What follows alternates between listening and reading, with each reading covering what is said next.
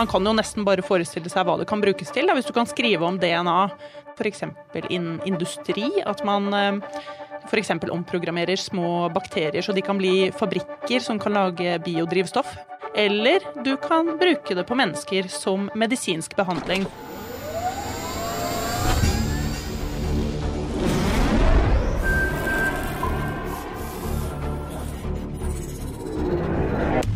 Velkommen til Teknisk sett, en podkast fra TU. Mitt navn er Jan Moberg, og jeg sitter her med Odd-Rikard Valmot.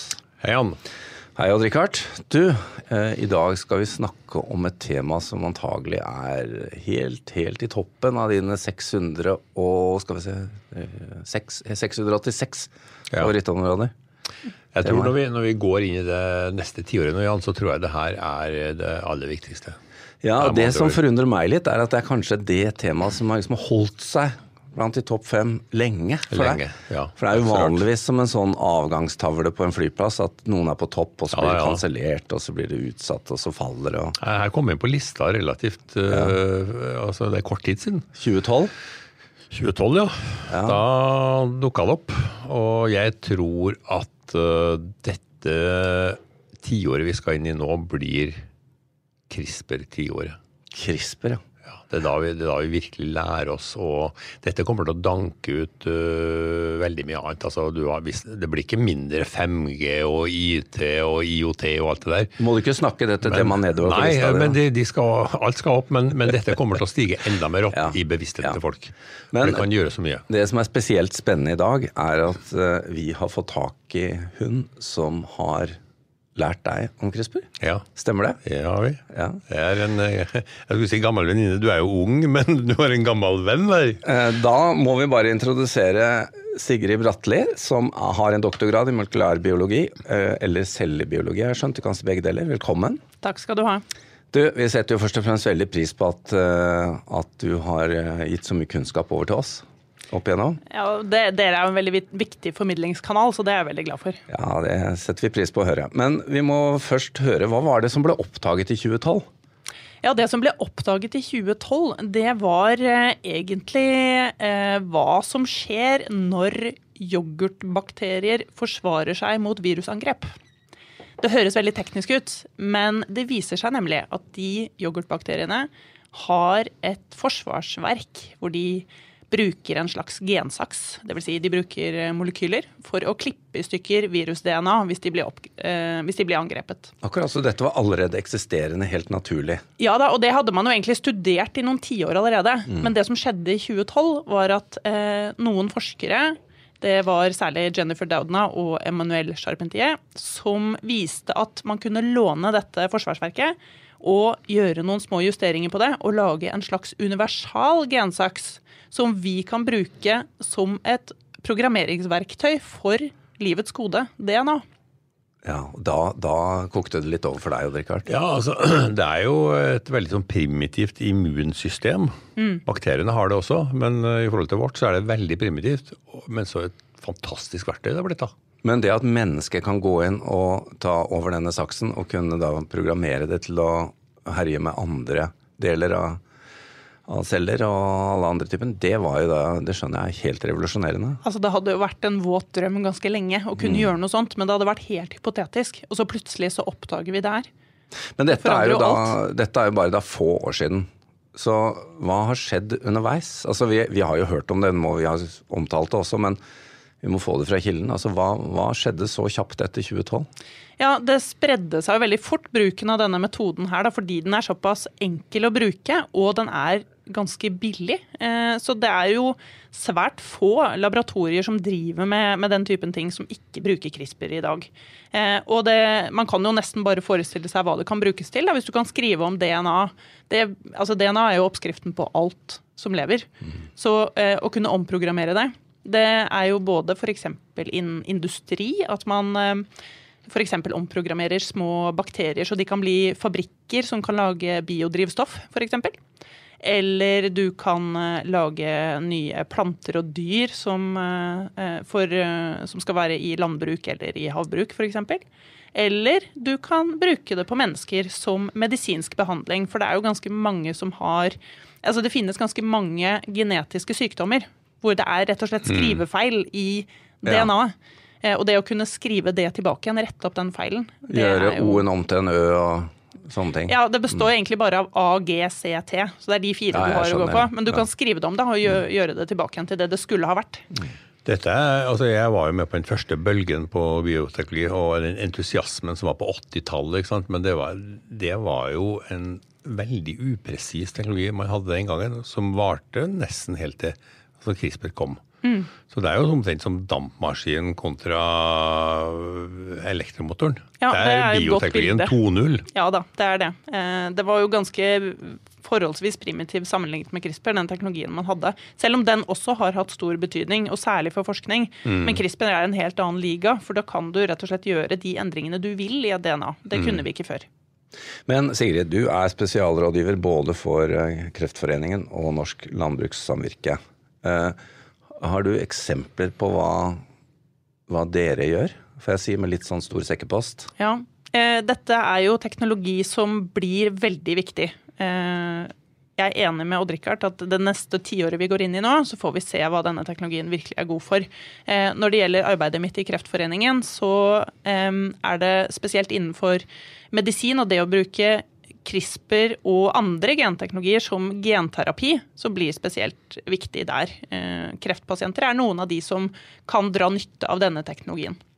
Eh, Når det gjelder arbeidet mitt i Norsk Landbrukssamvirke, så vet vi at denne teknologien nå på verdensbasis så utvikles det en hel rekke nye dyr- og plantesorter som da skal spesielt eh, i forhold til bærekraftig matproduksjon.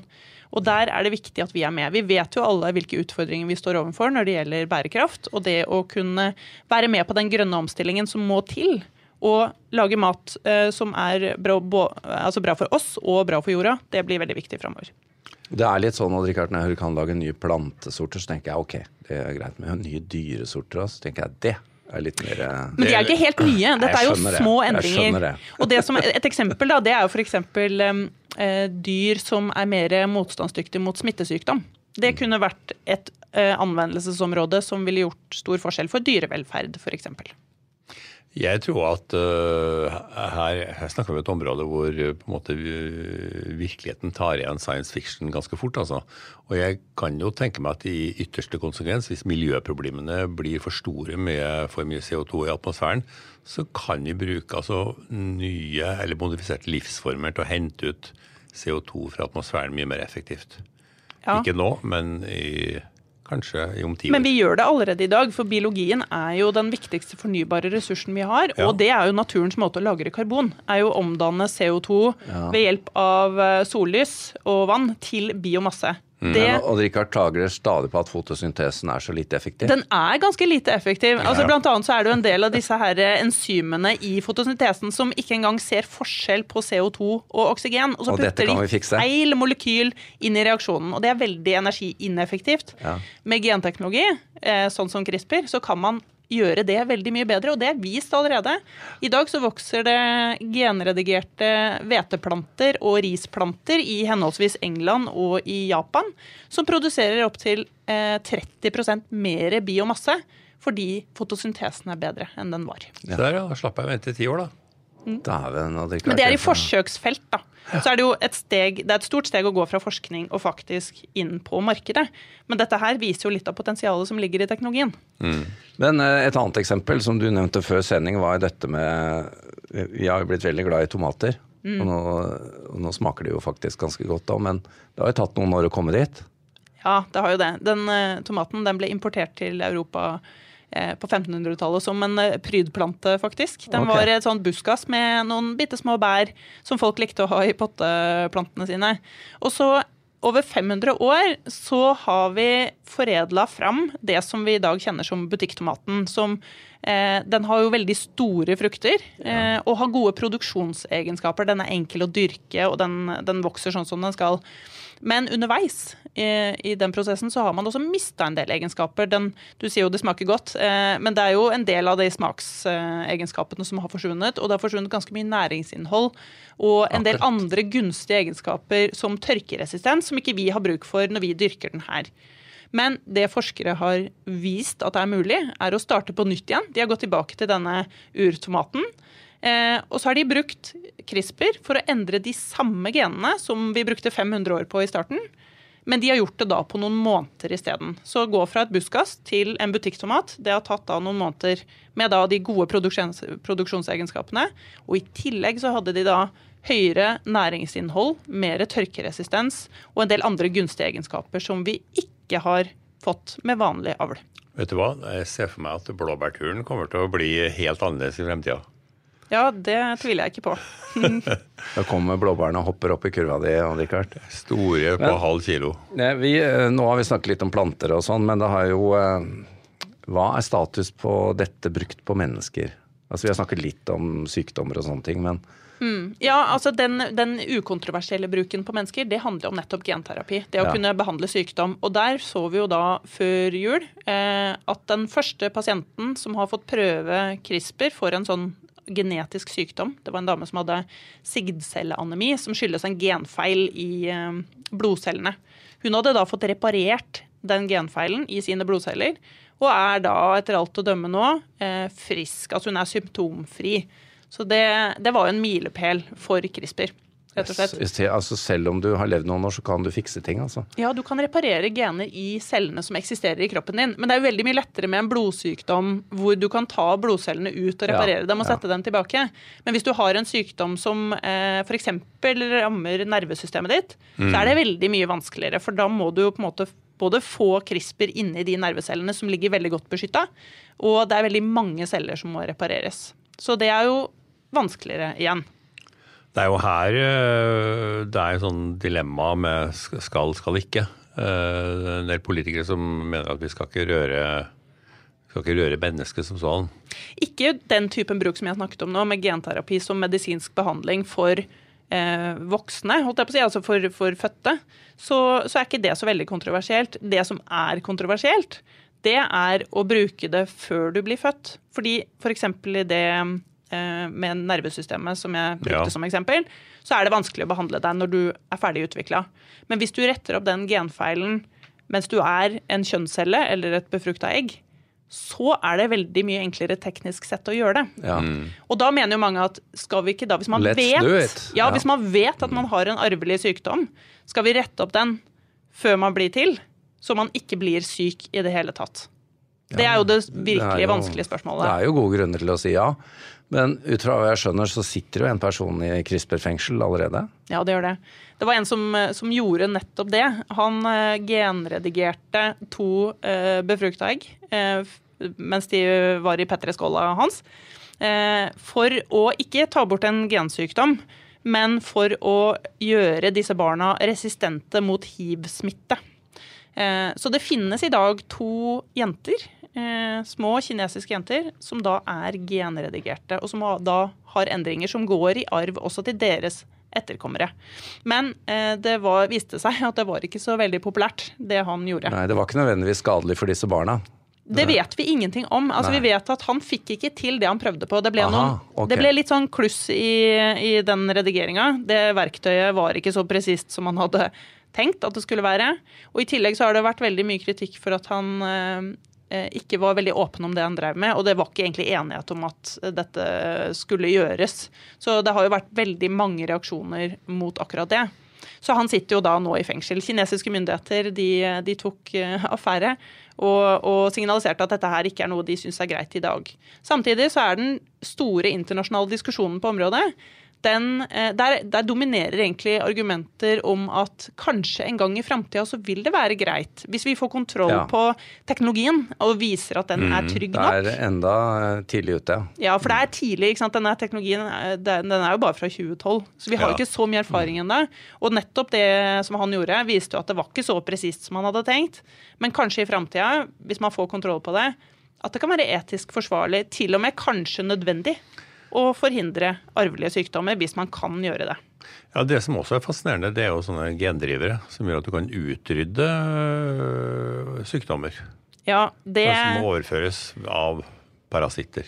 Ja, fordi det stopper jo ikke med, med, på en måte vår egen evolusjon og de vanskelige dilemmaene der. Vi kan jo også overstyre evolusjonen til absolutt alt som lever Ja. på denne jorda her. Kan og det er det, arter. det er det gendrivere er snakk om. Ja. Eh, i, det, I første omgang så er det snakk om å utrydde malariamyggen.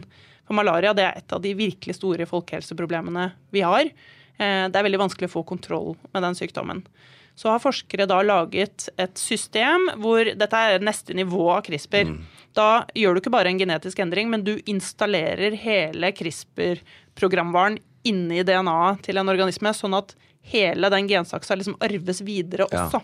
Og med malariamygg går det fort. Ja, det går fort med malariamygg, eh, viste det seg. Og da har de gjort det sånn at eh, hunnmyggene blir sterile.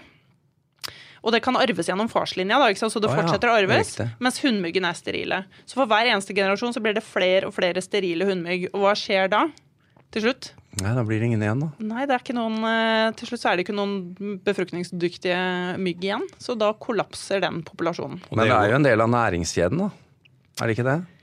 Ja, eh, det er jo her, det er her vi kommer inn på de vanskelige spørsmålene. fordi det vet man jo ikke helt. Det kommer jo an på arten, for det første. Altså Sånn som i Sør-Amerika, der hvor de har problemer med zika.